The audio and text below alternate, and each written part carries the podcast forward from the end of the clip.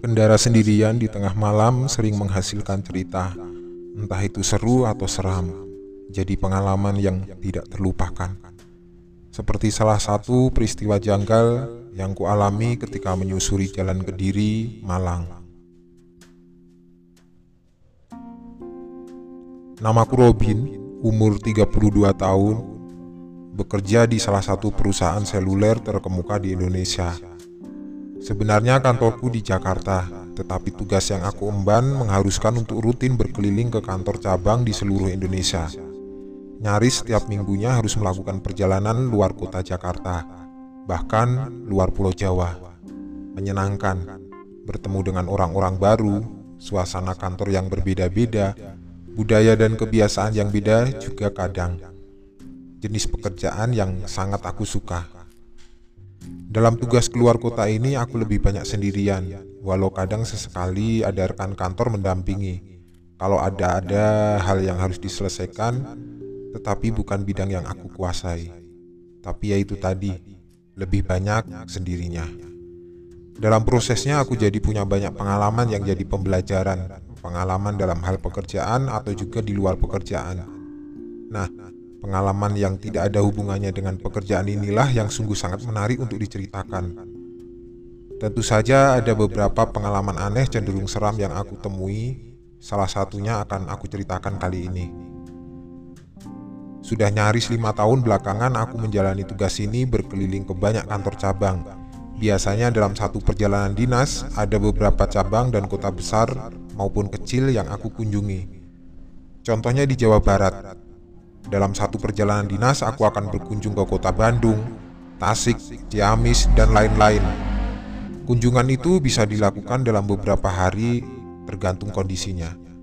Sama dengan perjalanan dinas yang akan aku ceritakan ini ketika harus keliling Jawa Timur untuk mengunjungi kantor cabang yang ada di sana. Masih lekat dalam ingatan karena baru beberapa bulan lalu kejadiannya. Tepatnya pada bulan November 2019. Begini ceritanya. Waktu itu hari Selasa, menggunakan pesawat pertama dari Jakarta jam 8 pagi aku sudah berada di kantor cabang kami di Surabaya. Di kota besar inilah kegiatan berkeliling Jawa Timur dimulai. Rencananya pagi itu tidak akan berlama-lama di Surabaya. Paling lambat jam 10 aku sudah harus berangkat ke Kediri menyelesaikan pekerjaan di kantor cabang di sana. Lalu dari Kediri akan langsung ke Malang dan bermalam di kota apel itu. Rencananya begitu. Dalam prosesnya, semua bisa berjalan sesuai rencana. Sekitar jam 10 aku sudah meninggalkan Surabaya menuju Kediri. Oh iya, kalau masih di Pulau Jawa aku memilih untuk mengendarai sendiri mobil kantor yang aku gunakan untuk berkeliling, tidak memakai jasa supir, karena aku sudah mengenali sebagian besar wilayahnya. Beda kalau luar Jawa. Sebisa mungkin aku akan meminta bantuan supir kantor. Sama juga kali ini sendirian aku berkendara dari Surabaya menuju Kediri, ke Malang sore harinya. Banyak yang tahu kalau perjalanan Surabaya Kediri akan memakan waktu kira-kira 3 jam jalan santai. Singkatnya sekitar jam 1 siang aku sudah sampai di kantor cabang Kediri. Tidak langsung bekerja. Rekan di Kediri mengajakku makan siang dulu di salah satu rumah makan ketika baru saja sampai. Ini bukan kunjungan pertamaku ke Kediri, sebelumnya sudah beberapa kali. Tapi ini nanti akan jadi perjalananku pertama kali dari Kediri ke Kota Malang. Karena sebelum-sebelumnya selalu sebaliknya, selalu melakukan perjalanan Surabaya, Malang, Kediri, Surabaya. Kali ini beda. Kenapa beda? Ya karena aku pingin suasana baru saja. Karena sudah beberapa kali berkunjung ke kantor Kediri, aku jadi sudah akrab dengan rekan yang ada di sana. Tidak terlalu kaku lagi. Mas, selesai dari sini nanti mau langsung ke Malang. Tanya Pak Alwi, kepala kantor cabang Kediri. Iya pak, saya bermalam di Malang saja. Besok pagi bisa langsung kerja di cabang sana kan? Jawabku. Perlu supir kantor nggak? Tanya Pak Alwi lagi. Tidak perlulah, Pak. Semoga belum terlalu malam saya sudah selesai di sini. Jalan santai tiga jam juga sampai kan? Begitu jawabku. Ya sudah kalau begitu, jangan terlalu malam dari sininya mas. jalur Kediri Malang masih ada yang rawan. Begitu tuah Pak Alwi menutup percakapan. Selebihnya selesai makan siang kami kembali ke kantor, kemudian aku langsung bekerja menyelesaikan tugas. Ya begitu, rencanaku jam 5 sudah selesai pekerjaan, lalu bisa langsung menuju Malang. Tapi ternyata tidak berjalan seperti itu. Banyak kendala dalam prosesnya, kendala yang mau tidak mau harus aku selesaikan hari itu juga. Jauh di luar rencana, nyaris jam 9 malam, pekerjaan baru tuntas terselesaikan. Sudah mas, menginap di sini saja. Besok pagi-pagi saja berangkat ke Malangnya. Begitu kata Pak Alwi ketika kami sedang santai beristirahat di depan kantor. Saya sudah booking hotel di Malang, Pak. Sayang kan kalau di cancel, begitu jawabku. Ini sudah mau jam 9 doh, yakin tidak mau disupiri. Sekali lagi Pak Alwi menawarkanku untuk ditemani supir kantor. Yakin pak, saya sendiri saja. Ini jam 11 juga bisa sampai Malang kan? Sekali lagi aku menolak tawaran Pak Alwi. Ya sudah kalau begitu yang penting hati-hati. Jam segini jalanan sudah sepi. Kalau mengantuk baiknya menepi. Iya pak, saya siap-siap dulu ya pak. Aku menutup percakapan. Sudah jam 9 lewat sedikit setelah selesai dari toilet, aku berpamitan dengan Pak Alwi dan rekan-rekan lainnya untuk melanjutkan perjalanan dinas ke kota berikutnya, Malang. Berangkatlah aku. Kediri ini sebenarnya bukan kota besar, tapi bukan kota kecil juga. Sama seperti kota-kota lainnya di Jawa Timur, aku menyukai suasananya. Jadi jalur yang aku akan lalui adalah Kandangan, Kasembon, Ngantang, Pujon, Batu. Begitu kira-kira. Sudah dua atau tiga kali aku lewat jalur ini sebelumnya, tapi yaitu tadi, selalu dari arah sebaliknya, dari Malang ke Kediri. Baru kali ini harus melakukan perjalanan dari Kediri ke Malang malam hari pula. Sebenarnya aku sangat menyukai perjalanan darat bermobil, road trip istilahnya. Apalagi ke tempat yang belum pernah dikunjungi sebelumnya. Sejak sekolah dulu aku sudah sering melakukannya bersama teman-teman atau bahkan sendirian. Kebetulan yang menyenangkan, akhirnya malah mendapatkan pekerjaan yang mengharuskan untuk banyak berkeliling melakukan perjalanan. Sekedar info, mobil yang aku gunakan kali ini adalah Avanza keluaran terbaru jadi seharusnya tidak akan mengalami kendala mesin. Mestinya tidak akan ada masalah selama perjalanan.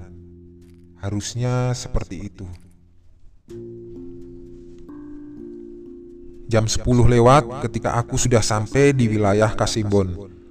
Mungkin di banyak wilayah lain jam 10 malam masih akan terlihat orang atau kendaraan yang lalu lalang masih ramai. Tapi di Kasimbon waktu itu sudah sangat sepi. Kendaraanku menembus jalanan sendirian, jalan yang banyak bagiannya masih pepohonan rindang. Hanya satu atau dua kendaraan yang melintas dari arah berlawanan atau sebaliknya. Benar-benar sepi. Tidak terlalu lama, sekitar setengah jam kemudian aku sampai di kota kecil berikutnya, Ngantang. Di Ngantang ini aku berniat mencari toko atau warung kecil untuk membeli rokok dan minuman karena kelupaan untuk belanja di Kediri tadi. Niatan untuk berhenti sebentar akhirnya terpenuhi ketika aku menemukan toko kecil yang masih buka, lalu parkir tepat di depannya. Kebetulan, toko kecil ini juga menjual kopi dan bisa meminumnya di tempat. Ada meja sederhana yang disediakan di depan toko. Aku memesan 11 kopi karena mata sudah mulai agak mengantuk. Mau ke mana toh mas ini? Tanya bapak pemilik toko sambil mengantarkan gelas kopi. Batu Malang pak, ada pekerjaan di sana. Jawabku cengengesan. Oh begitu. Memang masnya dari mana? Tanya beliau lagi. Lalu aku jelaskan semuanya. Kalau aku dari Jakarta sedang bertugas di Jawa Timur. Kemudian bapak ini malah terus menemaniku meminum kopi. Karena aku memang orangnya suka berbincang, ditambah bapak pemilik toko juga sangat ramah dan menyenangkan, jadilah kami berbincang seru. Harusnya mas bermalam di Kediri saja tadi. Jalan menuju Pujon Batu sangat sepi mas. Jalannya berliku naik turun, harus sangat berhati-hati. Begitu ucap bapak itu di tengah perbincangan. Iya pak, tadi teman kantor juga bilang begitu. Tapi nggak apalah, saya akan hati-hati pak, jawabku. Bukan mau menakut-nakuti, di sana sering terjadi kecelakaan. Baru seminggu yang lalu ada kendaraan yang isinya bapak dan anaknya. Kecelakaan di Pujon situ, dua-duanya meninggal. Kembali bapak itu mengingatkan. Agak seram mendengarnya, karena tahu kalau jalan yang akan aku lalui nanti memang menantang. Banyak belokan, tikungan, tanjakan, turunan, membelah perbukitan, melintasi hutan. Tapi sudah tidak ada pilihan lagi, aku harus terus jalan menuju Malang tidak mungkin balik lagi ke Kediri. Ya sudahlah, setelah habis beberapa batang rokok dan gelas kopi juga sudah kosong, aku memutuskan untuk lanjut perjalanan. Sebenarnya perbincangan cukup menyenangkan dengan bapak pemilik toko. Tapi sebelum lupa diri, aku harus pergi. Hati-hati ya mas. Terima kasih pak. Benar adanya. Jalanan sangat sepi. Hanya sesekali terlihat kendaraan lain melintas. Sepertinya aku terlalu lama berhenti di toko tadi, jam setengah 12 ketika aku meninggalkan daerah Ngantang. Terlalu malam.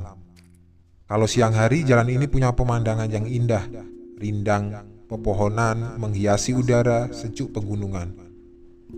Kondisi jalannya tergolong bagus, mulus, dan cukup lebar. Harusnya tidak ada masalah bagi kendaraan jenis apa pun untuk melintas. Sekali lagi, jalur ini punya pemandangan bagus, sedap dipandang mata itu kalau siang hari, beda situasinya kalau malam. Malam hari jalanan gelap karena sama sekali tidak ada PCU. Walau sesekali ada rumah penduduk yang lampunya membantu sedikit penerangan. Pemandangan indah pegunungan sama sekali tidak terlihat, hanya barisan bindang pohon yang berdiri tegak di kanan kiri jalan sebagai hiasan malam. Walaupun suka berkendara, tetapi nyaliku akan sedikit ciut kalau harus menemui kondisi seperti ini sendirian. Aku tidak bisa memacu kendaraan dengan cepat karena memang sudah nyaris tengah malam dan kondisi jalan yang tidak terlalu aku hafal juga. Semakin berhati-hati lagi dan makin memperlambat laju kendaraan ketika tiba-tiba hujan. Rintik turun menyempurnakan udara sejuk di tengah malam buta seperti ini. Sempurna. Begitu gumamku sendirian. Salah. Padahal kondisi itu belum sempurna. Beberapa menit ke depan, aku akan mengalami kejadian yang sepertinya tidak akan bisa aku lupakan. Jalanan menuju Pujon ini sangat sepi. Malahan sudah beberapa menit belakangan, aku sama sekali tidak melihat ada kendaraan lain. Benar-benar sepi. Hujan yang turun tidak lagi terlalu deras, hanya rintik-rintik kecil yang jatuh dari langit. Setelahnya kabut turun gantian menghiasi membuat jarak pandang jadi terbatas di semua sisi. Lampu Avanza yang aku kendarai jadi satu-satunya sumber cahaya menerangi jalan gelap berkabut. Udara luar yang dingin membuatku harus mematikan AC dan menyalakan rokok untuk menghangatkan badan, lalu membuka sedikit kaca jendela, memberikan jalan untuk asapnya keluar. Gerungan suara mesin mobilku menjadi salah satu suara yang terdengar. Tip sengaja aku matikan sebelumnya dengan tujuan supaya semakin fokus memperhatikan jalan. Pohon-pohon besar berdiri di kanan kiri jalan terkesan angkuh memperhatikan. Jalan berkelok ke kiri kanan, ditambah tanjakan dan turunan. Sebenarnya malah membuatku jadi semakin fokus memperhatikan jalan. Tapi yaitu, sudah banyak menit berselang, aku tidak juga melihat ada kendaraan. Aneh. Beneran, sangat sepi, membuat perasaan jadi tidak enak. Nyali mulai goyah di dalam kesendirian, pengen cepat ketemu keramaian. Di kala ketakutan mulai menyeruak ke permukaan melalui kaca spion, tiba-tiba aku melihat ada kendaraan mendekat dari belakang. Syukurlah, akhirnya ada teman. Teman? Benarkah? Kendaraan yang tiba-tiba muncul di belakang ini berkecepatan nyaris sama denganku. Tidak terlalu cepat. Lampunya terang membelah kabut tipis jalanan, cukup membuat mataku kesilauan. Pada detik itu aku masih belum tahu mobil jenis apa di belakangku ini, karena memang sama sekali gelap, ditambah lampu terangnya menghalangi penglihatanku. Tapi yang jelas, kecepatannya konstan, terus menjaga jarak beberapa belas meter di belakang Sepertinya tidak ada niat untuk mendahului. dan tidak ada niat untuk menjauh juga, tetap terus di posisinya. Ah, mungkin dia juga tidak mau jalan sendirian, mungkin sedang mencari teman, begitu pikirku. Cukup lama mobil itu mengikuti dari belakang sekitar 10 menit. Sampai akhirnya aku melihat sepertinya dia menambah kecepatan, seperti ingin mendahului. Aku tidak ada niat untuk menghalangi lalu memberikan jalan kepadanya untuk mendahului. Pada saat itulah akhirnya aku tahu mobil jenis apa kendaraan itu. Ketika kami berada dalam posisi sejajar, terlihat jelas kalau itu adalah mobil jenis sedan tahun 90-an akhir, berwarna gelap. Yang menarik perhatian, kaca mobil tidak gelap, sangat transparan malahan. Begitu transparannya sehingga aku bisa melihat ke dalamnya. Aku melihat ada dua orang di dalamnya. Kursi belakang kosong. Seorang bapak berumur 50 tahun duduk di belakang kemudi. Di sebelahnya ada seorang anak kecil berumur sekitar 12 tahun. Sepertinya mereka bapak dan anak. Aku bisa melihat sedetail itu karena memang kendaraan kami cukup rapat, berjajar, dan melaju tidak terlalu cepat. Pada akhirnya mereka berhasil juga mendahului. Sekarang aku berada persis di belakangnya. Sama seperti sebelumnya, ketika sudah berada di depan mobil ini tetap berjalan konstan, tidak menambah kecepatan. Dengan begitu aku jadi tidak bersusah payah membututi dari belakang. Beberapa menit lamanya, kami berjalan beriringan, sampai pada saat ketika tiba-tiba sedan itu menambah kecepatannya. Aku yang tadinya sudah mulai tenang karena ada teman jadi kaget karena ditinggalkan. Melihat itu aku lantas menambah kecepatan di tengah kabut yang semakin menebal. Aku coba untuk mengejarnya. Ternyata tidak sanggup. Nyaliku tidak sebesar sedan itu yang berani berkecepatan tinggi melewati jalan berkelok ditambah dengan kabut tebal. Aku tidak berani. Dapat ditebak, menit berikutnya sedan itu akhirnya menghilang, ditelan gelapnya kabut malam. Dan kembali aku sendirian. Harusnya aku sudah masuk wilayah Pujon, tapi belum juga melihat ada tanda-tandanya. Jalanan masih sangat sepi, kabut semakin menebal, Aku hanya bisa melamun sambil berharap segera melihat tanda-tanda kehidupan. Belum, harapanku belum juga terkabul. Ketika tiba-tiba mesin mobilku mati. Iya, mobilku mati. Tidak tahu apa penyebabnya. Untungnya dalam keadaan mesin mati aku masih dapat memberhentikan mobil di pinggir jalan. Sempurna. Aku terdampar di tengah sepinya hutan di tengah malam Beberapa menit meratapi nasib, semakin sedih ketika melihat layar ponsel ada tulisan no service. Tidak ada sinyal. Seperti yang aku bilang di awal tadi, mobil yang aku kendarai ini mobil keluaran baru. Seharusnya mesin tidak akan bermasalah. Seharusnya. Ya sudah, walaupun tidak tahu harus akan berbuat apa nantinya, Akhirnya aku turun dari mobil membuka kap mesin untuk memeriksanya. Di tengah udara dingin berkabut yang tidak tahu persis di daerah mana, dengan bantuan cahaya dari ponsel, aku memeriksa mesin mobil. Kelihatan tidak ada yang aneh, tidak terlihat ada kebocoran oli atau bahan bakar. Tidak ada asap yang menandakan overhead juga. Sepertinya mobil aman. Tapi ketika aku coba untuk menyalakan lagi, tetap tidak bisa. Hingga akhirnya aku nyaris putus asa. Belum putus asa, hanya nyaris. Karena ketika sedang melamun meratapi nasib aku melihat ada nyala lampu kendaraan beberapa belas meter di depan, tidak jauh. Kelihatan ada lampu belakang mobil yang menyala. Syukurlah, dalam hati aku berucap. Lalu tanpa ragu aku melangkah menuju kendaraan yang saat itu aku belum tahu kendaraan jenis apa karena masih terhalang gelap dan kabut tipis. Langkahku bersemangat, ada harapan dapat bantuan dari mobil itu. Karena memang jarak kami tidak terlalu jauh, jadi tidak terlalu banyak juga aku melangkah untuk mendekat. Tapi tiba-tiba aku berhenti melangkah. Ketika hanya tinggal beberapa meter saja jarakku dari mobil sedan itu.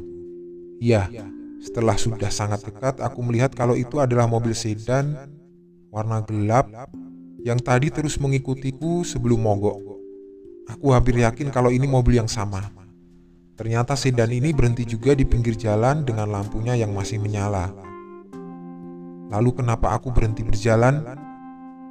Bukan hanya berhenti, aku juga berdiri diam tercengang. Kenapa? Ternyata ada dua orang yang sedang berdiri di belakang mobil itu. Berdiri di belakang bagasinya, berdiri menghadapku. Aku mengenalinya.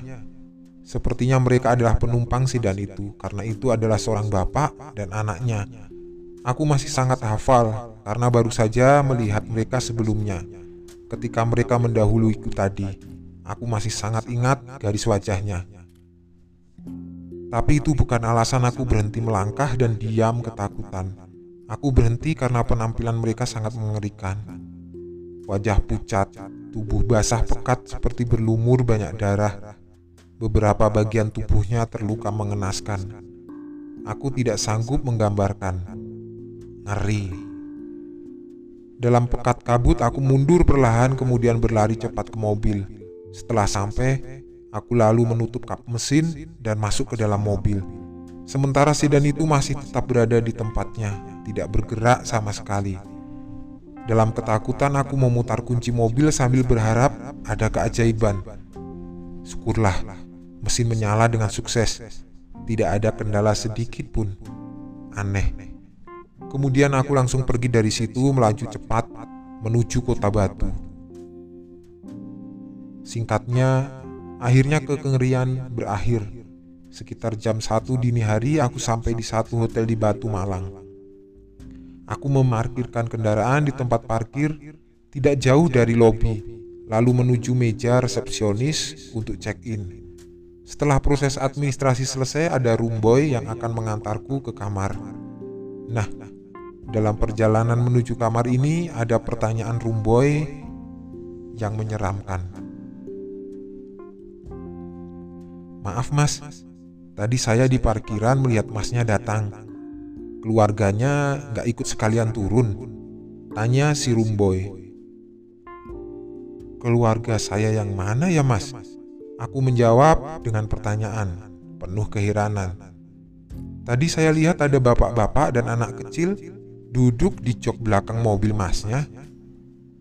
Mendengar ucapan Rumbo itu, aku bingung harus menjawab apa.